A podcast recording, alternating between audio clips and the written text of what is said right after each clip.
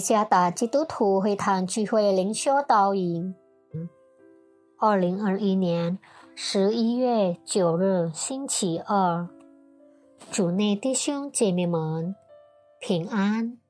今天的灵修导引，我们会借着圣经罗马书第八章第二十八节来思想今天的主题：因他的计划而感恩。作者万必恩传道，《罗马书》第八章第二十八节，我们晓得万事都互相效力，叫爱神的人得益处，就是按他旨意被召的人。几个月前，发生了一件使我感到困惑的事，我们的。第二个孩子没有成功的被东爪哇一间神学院所录取，不单单是我感到困扰，而且我的孩子也感到伤心。怎么不呢？我的孩子为自己梦想神学院的筛选入学测试准备了三年。当我们的希望和计划没有实现时，我想在我们大多数人中都会因此感到伤心，也可能感到失望。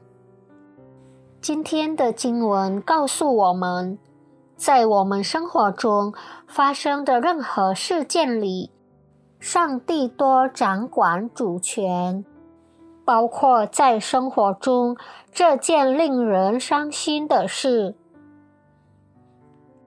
当我们意识到这伤心事的发生原来是因为事实结果不合乎我们的希望或者计划，就好像我的孩子失望是因为他失败了，不能进到梦想的神学校园。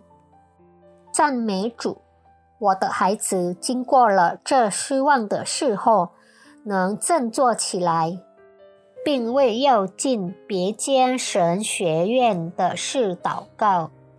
他报名就读于雅加达西部的一间校园。当我们送他到宿舍时，我和四母彼此对视了一眼，说：“感谢赞美主。”校园离家不远，试想，若是在东爪哇，一定会很伤心。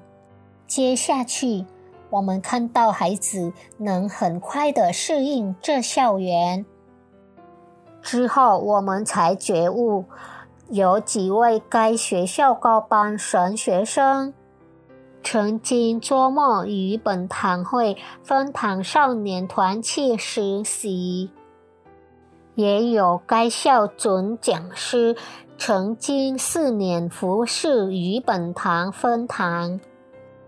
简而言之，我们的孩子在这校园觉得幸福和充满激情的学习。从我们的孩子失败而伤心的事上。其实是上帝在动工和引领去适合他的校园受塑造。亲爱的弟兄姐妹们，不要为你的失败而焦虑，别忘了，上帝还在掌权。他允许不好的事进入你的生活中，不是要毁掉你。而是要使你更坚强。我们时常因冠状病毒肺炎遭遇到阻碍或耽误，我们失望甚至失去了把握。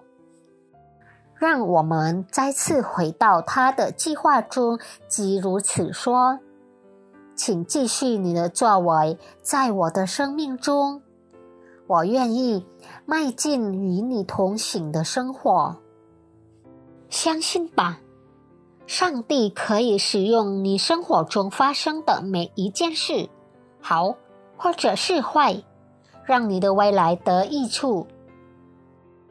今天在你的生活中，无论发生什么，请相信其中必有上帝的计划。愿上帝赐福大家。